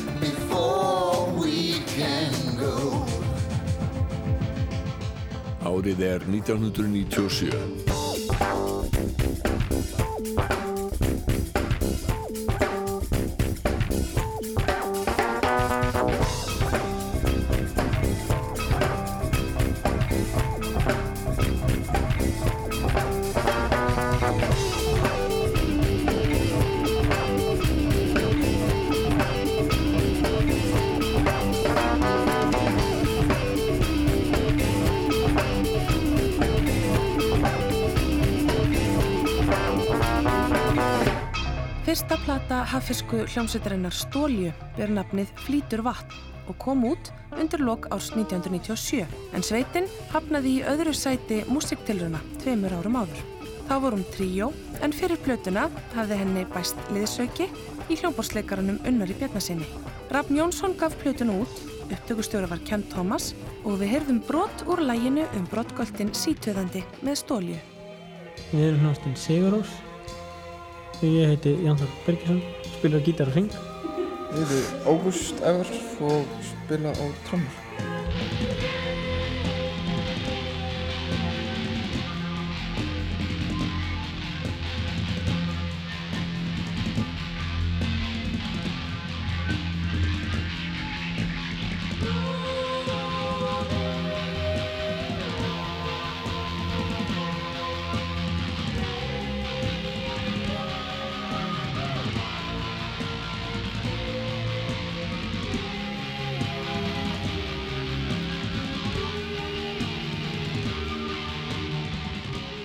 Smekkleisa gáð nokkra geislaplutur undir yfirskriftinni Skært lúðrar hljóma með efnilegum íslenskum hljómsveitum og ein sveitana sem fylgtu þann flokk var Sigur Rós sem gáð sína fyrstu plötu, Von, árið 1997.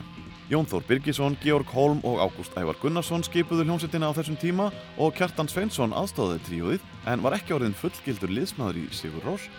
Hljómsveitin held útgáfutónleika í Friðrikskapellu við Valsheimilið Reykjavík og Ólafur Páll Gunnarsson spjallaði við Jónsa og Ágúst Ævar eftir tónleikana. Síðan vorum við að gefa plötu núna sem heitir Von og er, það er eiginlega gamalt efni sem við erum búin að, að gerjast rosalega lengi. Tvö ár. Það var orðinni tekin upp alveg fyrir tveim, þreim árum platan sko og mixuð allt svona og síðan eru bara fyrst að gefa út núna sko. Já, smekklega. Fylgin eftir, svona, máttlega svona hátt. að reyna það. Já, þetta voru útgáða tónleikarnir ekki í kvöld? Já, svona en að gæsa lappa sko. Já. Það er svona helmingur útgáða tónleikar og helmingur svona annað efni og útgefið. Það voru mjög sérstakir tónleikar, mjög skemmtilegi. Já, það er líka svolítið skemmtilegt að halda tónleika í kirkju. Það var, það var ekki klassísku vínveitingar sko.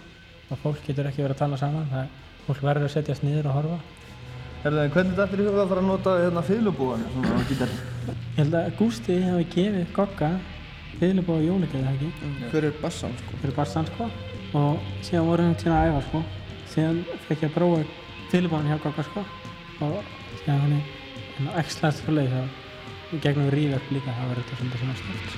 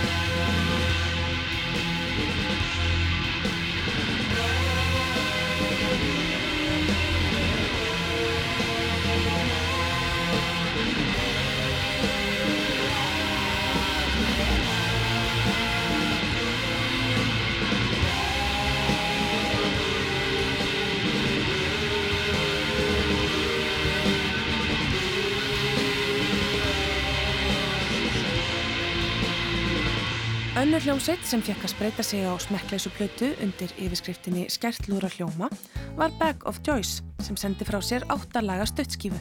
Lögin voru hvorki flókin nýja frumleg en þau voru enga síður bráðskemmtileg og mikil ánægja og gleði skein í gegnum laga og textasmíðar kvartetsins eins og heyra má í læginu Sveitasnakk. Sveitasnakk. Já, sveitasnakk. Sveitasnakk. Sveitasnakk. Kiftu þið sveitasnakk í gleri. Ég er allt inn á bar og baðu mitt sveitasnakk Í sveitinni heima er búið til Sveitasnakk Pappi ló í bað en ég fór með ráði í þetta sveitasnakk Ó já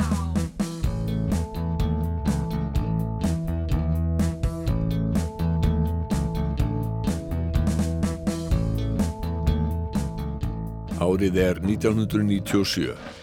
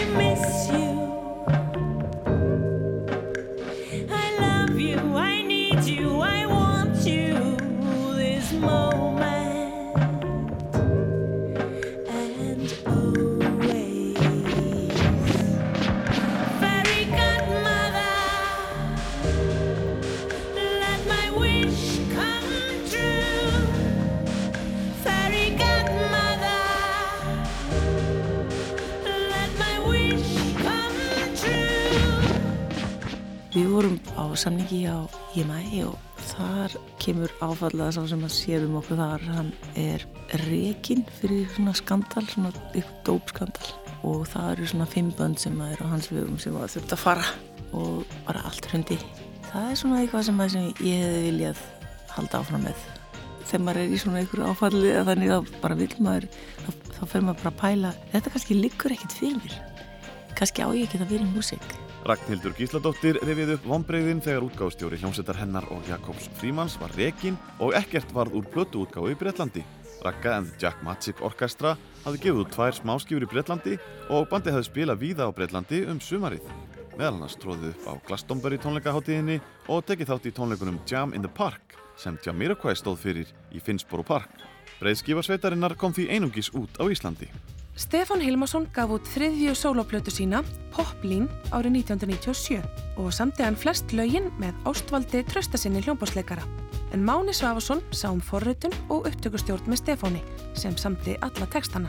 Stefán hjælt útgáfutónleika í þjóðlíkuskjallaranum 3. desember með fullskipari hljómsveit og þar var meðal annars talið í lægið Þau dönsuðu. Hafði elskað, hafði aldrei elskað Hafði aldrei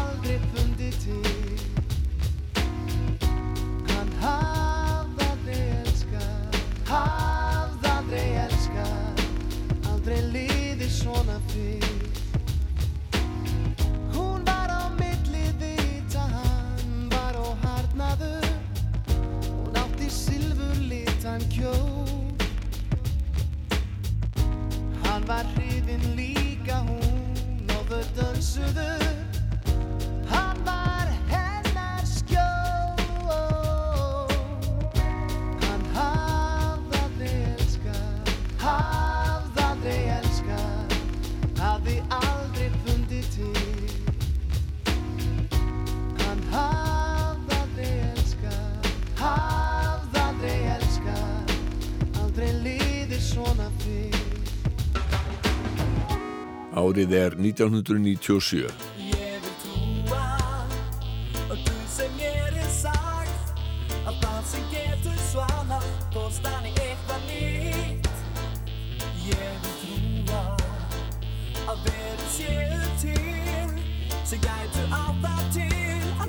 mig á brott Hljómsveitin Region Ice vakti aðtikli 1996 fyrir fyrstu plötu sína í Berjamó sem innihjalt aðalega tökulög en árið 1997 kom önnur plata hljómsveitarinnar út.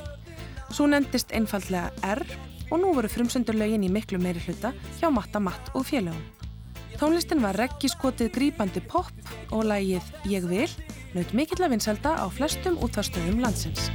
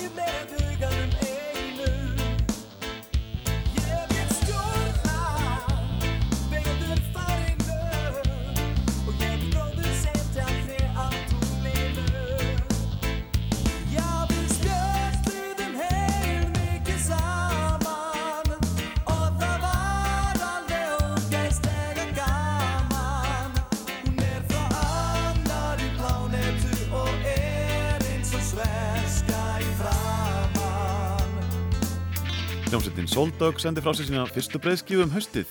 Piltarnir fóru í stúdíu Sýrland og Addi 800 sá um upptökustjórn á plötunni Breytum lit og sveitin fekk mikinn meðbyr um sumarið þegar lagi Fríður kom út og sló í gegn. Fölur og fár Flækist á milli staða Og spái í spár Spekingar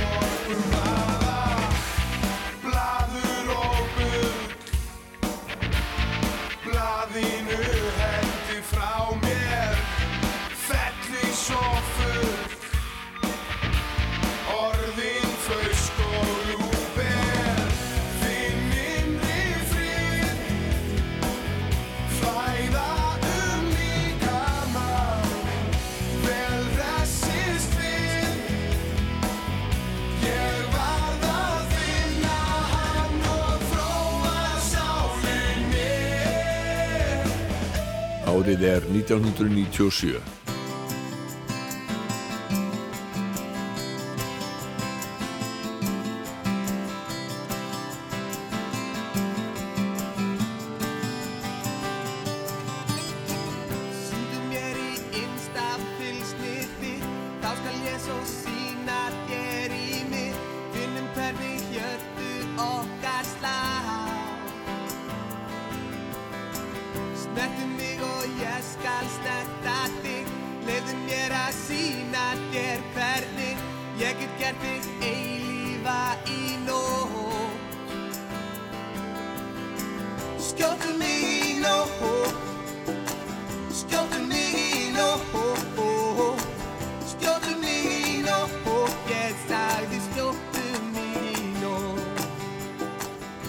ákveðum að gera plötu því allir voru að gera plötu þetta heyrist það líka á plötunni að hún er nú ekki vel unnin sko Nei, þetta var eiginlega svona sísta platan held ég sem að við höfum sleppt frá okkur á þessum tíma. Já, þetta er platan nummið tvö. Við vorum að fylgja eftir plötunni Super frá árinu undan. við vorum náttúrulega mikið með sálinni hittuðum upp fyrir þá, vorum í pásu og alveg en við vorum svona sen, sennilega minnst sjálfur sko eitt og eitt ball Jú, við reynda gerðum rosalega mikið að spila 97 en kannski þá sko á svona minni stöðum en Suðurlandi var svona, það var alltaf svona okkar víi náttúrulega framan að. Gunnar Ólason og Herbert Viðarsson sögðu frá annari plötu Skítamorals sem fekk nafnið Tjút og kom út um sömarið. Skjóttu mig var eitt af lögunum nýju á plötunni og dugnaður sveitarinnar við spilamennsku um árabil víða um land hafði greinilega borgað sig. Árið 97 er svona árið sem við fáum stóra breykið á, á þjóðatíðinni 97 með sálinni. Ég myndi segja að það væri bara vendi punkturinn, stóri, stóri punkturinn, svona ef maður sér þetta fyrir sér í einhverju, einhverju svona bíómynd að, að hljómsveit sem er búin að vera svona að reyna að koma sér og festa sér í sessi, fær, fær stóra breykið sitt þarna og ég man að þið ringdi allavega í mig hérna í sálinni Gumi Jóns og, og Steppi og báðum um að hérna að syngja líka þjóðatíða lægi 97 þú veist hvað ég meina maður sem að við síðan hljóðumstil skítamórall endur hljóðrituðum aftur einhverjum árum setna og það er í þeirri útgáfu náttúrulega sem það er sem að er spiluð hvað mest í dag. Það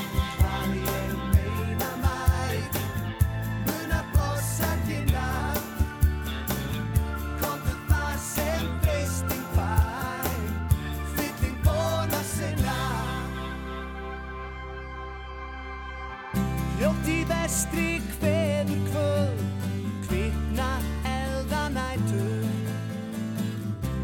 boca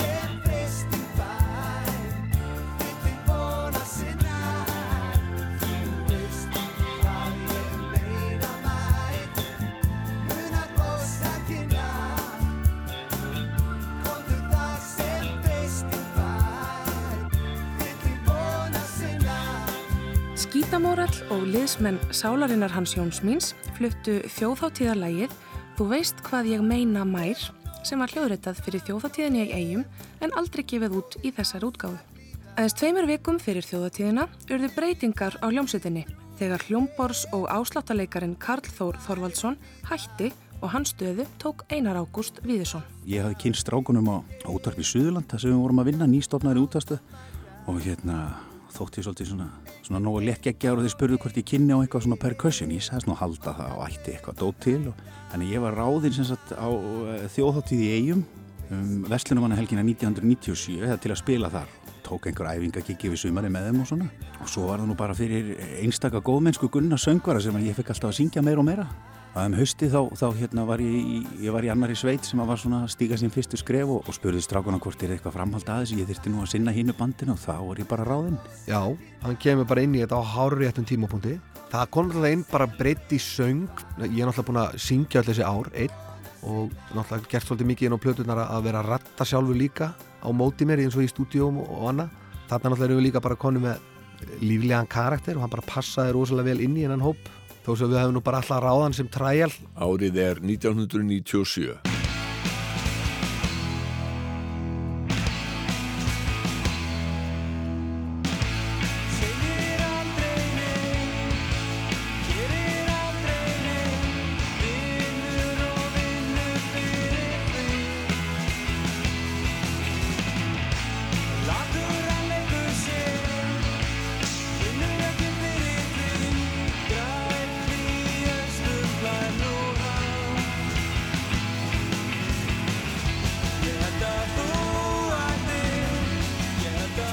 fiðla sigraði í músiktilunum þeim 15. í rauðinni. Í öðru sæti var eina rappsveitin í keppninni Tríó Óla Skans og drum and bass bandið í Outrates í því þriðja. Svo þeim fiðla dreif sig í hljóðverum sumarið og gáð sex laga stutt skífu um haustið á vegum smekkleysu en upptökustjórnar í höndum Jónsa í Sigurrós. Hljómsveitina skipuðu Egil Tómasson gítarleikari, Gunnar Örn Svavarsson bassalegari og Ari Þorger Steinarsson trommari en allir þrýr fengu velun sem besti hljóðfærleikarin í sínum flokki. Fjórði liðsmaðurinn var Arnar Snær Davíðsson gítarleikari sem söng líka á samt ég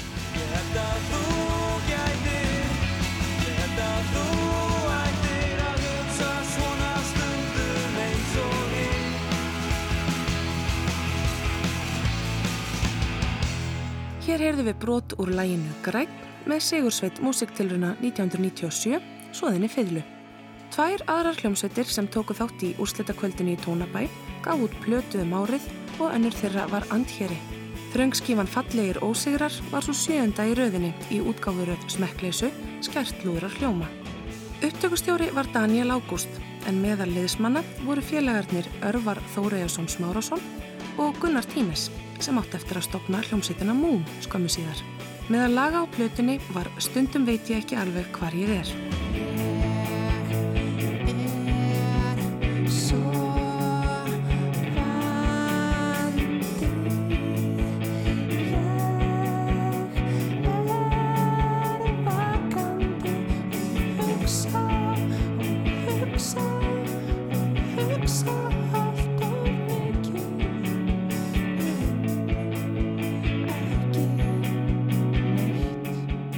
Önnur músiktilunarsveit, Woofer frá Hafnafyrði, sendi frá sér tvær plötur á vegum útgáðu fyrirtækis Raps Jónssonar, R&R Music.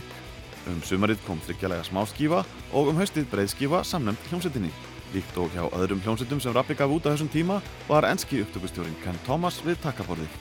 Egil, svonur Rappa, trommaði með sveitinni og söngonan Hildur Guðnadóttir syngur hér um græna tréð en hún gekk svo til liðs við Örvar og Gunnar úr Antjera og úrvarð hljómsveitin Moon.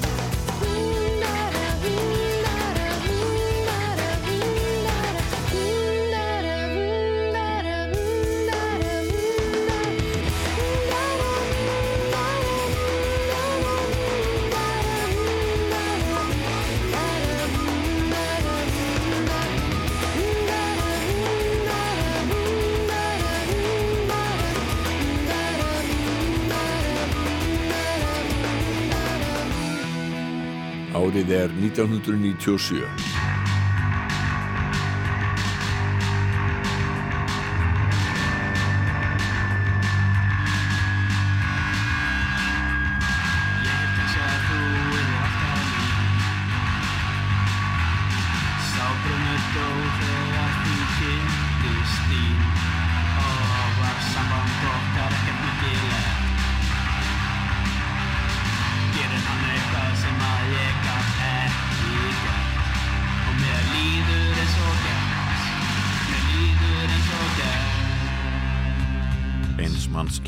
Körver sendi frá sér konceptplötuna 7 á sjöunda degi í sjöunda mánaðar ásins 1997. Þúsund tjálasmiðurinn og gjörningalistamaðurinn Birgir Örn Tórótsen var maðurinn á baku Körvernafnið og hann sagði í viðtali við morgumblaðið að hann hafi vaknað klukkan 7 eftir 7 klukktíma svepp þá 7 daga sem hann gaf sér til að semja lögin á plötuna og taka upp grunna. Næstu 7 daga lagaði hann lokahönd á plötuna í hljóðveri og platan kom út í 77 númeruðum eintökum, kostaði 777 krónur og Birgir tók 77 skrún á bankalán sem hann ætlaði að borga upp á 7 mánuðum. Lögin á plötunni heita öll eftir þeim sjö dögum vikunar sem voru búin til og full kláruð á. Og hér hefur brot úr læginu þriðju dagur með körver af plötunni sjö. Og það er ekki lust við að andi ensku hljónstærinar Wedding Present svífi yfir vötnum. Aldrei sem en að drepa mig Þú veist sem hefur gengið í sjóum fyrir þig. Og mér líður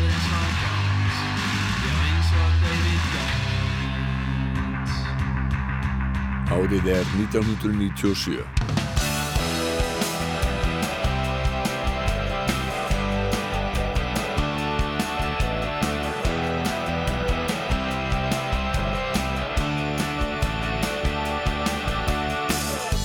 Ég hafði aldrei þig fyrr.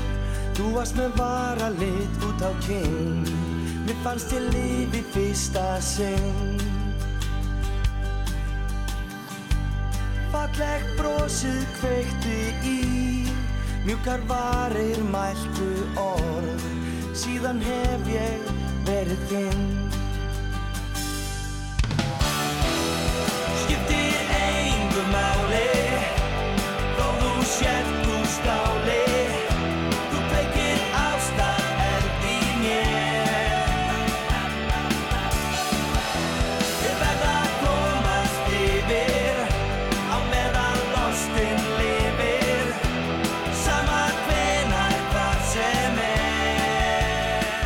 Greifarnir gaf út plötuna Dúkka upp 1987 og gerðu síðan öðru koru lög fyrir saplutur og leku á sveitaböllum. Platan í ljósaskiptunum var þeirra fyrsta í áratug og Þorvaldur Bjarni Þorvaldsson stjórnaði upptökuvinnunni. Geislaflutunni fylgdi myndband lagsins skiptir engu máli sem hægt var að skoða í tölvum með réttan útbúnað en þetta var í fyrsta sinn sem íslensk hljómsveit nýtti sér þessa tækni. Greifarnir heldur sig á sviðbuðum tónlistarnótum og fyrr þar sem gelgjulegir textar reyður ríkjum í grípandi léttum poplögum. Árið er 1997.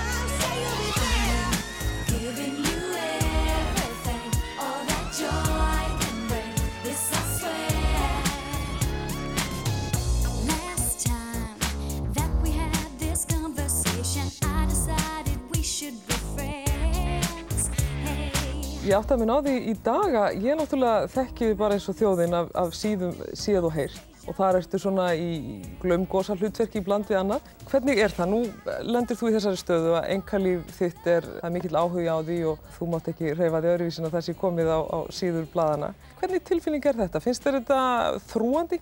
Stundum getur verið það ef það er, er að tala um eitthvað sem er ekki satt. Það getur farið í töðunar. Gerist það oft? Já, það er oft kannski eitthvað til í því en það er svoleiðis alveg spunnið upp. Sko. Annars er þetta mjög gaman líka. Ég Já. hef náttúrulega kynnist hlutum sem ég myndi ekki kynnast annars. Að þetta er hefur sína góð og... Hliðar. Segðu mér þá sagan um snjósleðan, jólagjöfina til Mel B, uh, hlébarða munstraðan.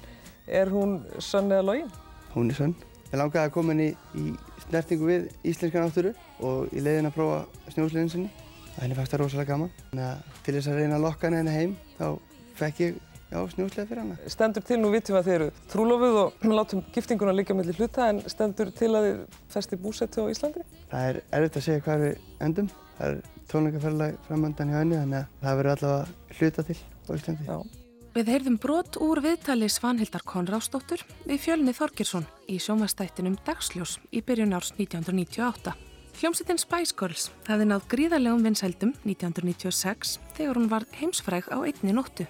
Það þóttu því stór tíðindi þegar ein krydd stúlknana, Melanie Janine Brown eða Mel B, hóf samband við Fjölni og heimspressan fylgdist náið með tilhugalífinu.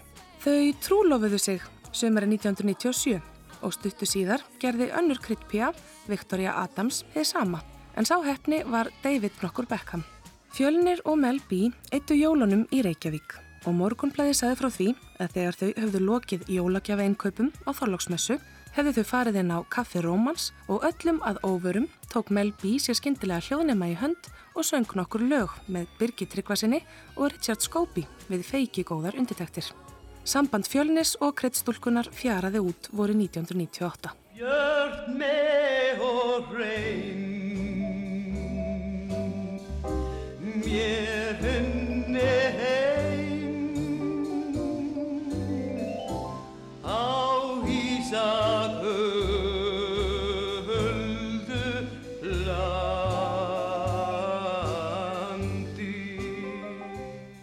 Bjarnadóttir, fyrsti íslenski skemmtikrafturinn sem haslaði sér völl með söng eftir hermum utan landsteinana, lest 28. november 1997. Hallbjörg fór til Danmerkur 16 ára gömul og söng þar hann á plötu á dönsku 1938. Næstu plötur sem voru á íslensku og ensku kom út 1955 og síðan ekki söguna meir. Hallbjörg skemmti með eftirhermusöng í Skandinavíu nokkur ár, söng í breska útvarpið og kom fram á skemmtunum í norðanverðri Evrópu. Hún söng einnig á sviði og í sjómarpi í bandaríkjunum og vakti aðtekli fyrir óvinni mikið ratsvið. Hallbjörg flutti aftur til Íslands 1992 og ljast á landspítalanum í Reykjavík.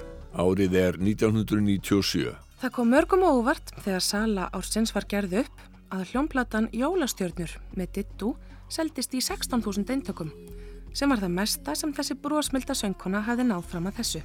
Næstu þrýr listamenn á því ekki vera haldrættingar því plötunar Homogenic með Björk, Trúir þú á Engla með Bubba Mortens og Minning þín með Siggu Beinteins seldust í rúmlega 6.000 eintökum hver og rap rocksveitin Kvarasi náði svipuðum árangri. Í heild var salan alveg ágætt hér heima en þær fréttir bárust aftur á móti frá bandaríkjunum að þar hefði plötusala dreigist saman í fyrsta sinn frá því að diskoplötur hættu að seljast um 1980. Fram að þessu hafði verið 12-20% aukning á ári eftir að geislaplötunar komið til sögunar en nú snýrist dæmi við. Og þá er árið 1997 senn á enda. Ég heiti Sigriður Tólasíus. Umsjónumenn þáttarins eru Ásker Eithórsson og Gunnlaugur Jónsson og Jónatan Garðarsson aðstóðaði við handritskerð. Í næstu viku skoðum við íslenska tónlistarárið 1998 en við endum á KK. Kristján Kristjánsson gerði plötuna Ómissandi fólk með Magnúsi Eiríksinni árið 1996 en kom með soloplötuna Heimaland haustið 1997. Platan var til upp úr samstarfi K.K. og Jóns Óláfssonar í kringum leikverkið Í ljúfa líf og enduðu tvö lög úr verkinu á plötunni. K.K. lokar árunni 1997 með læginu Ég vil fá að sjá þig. Ég vil fá að sjá þig.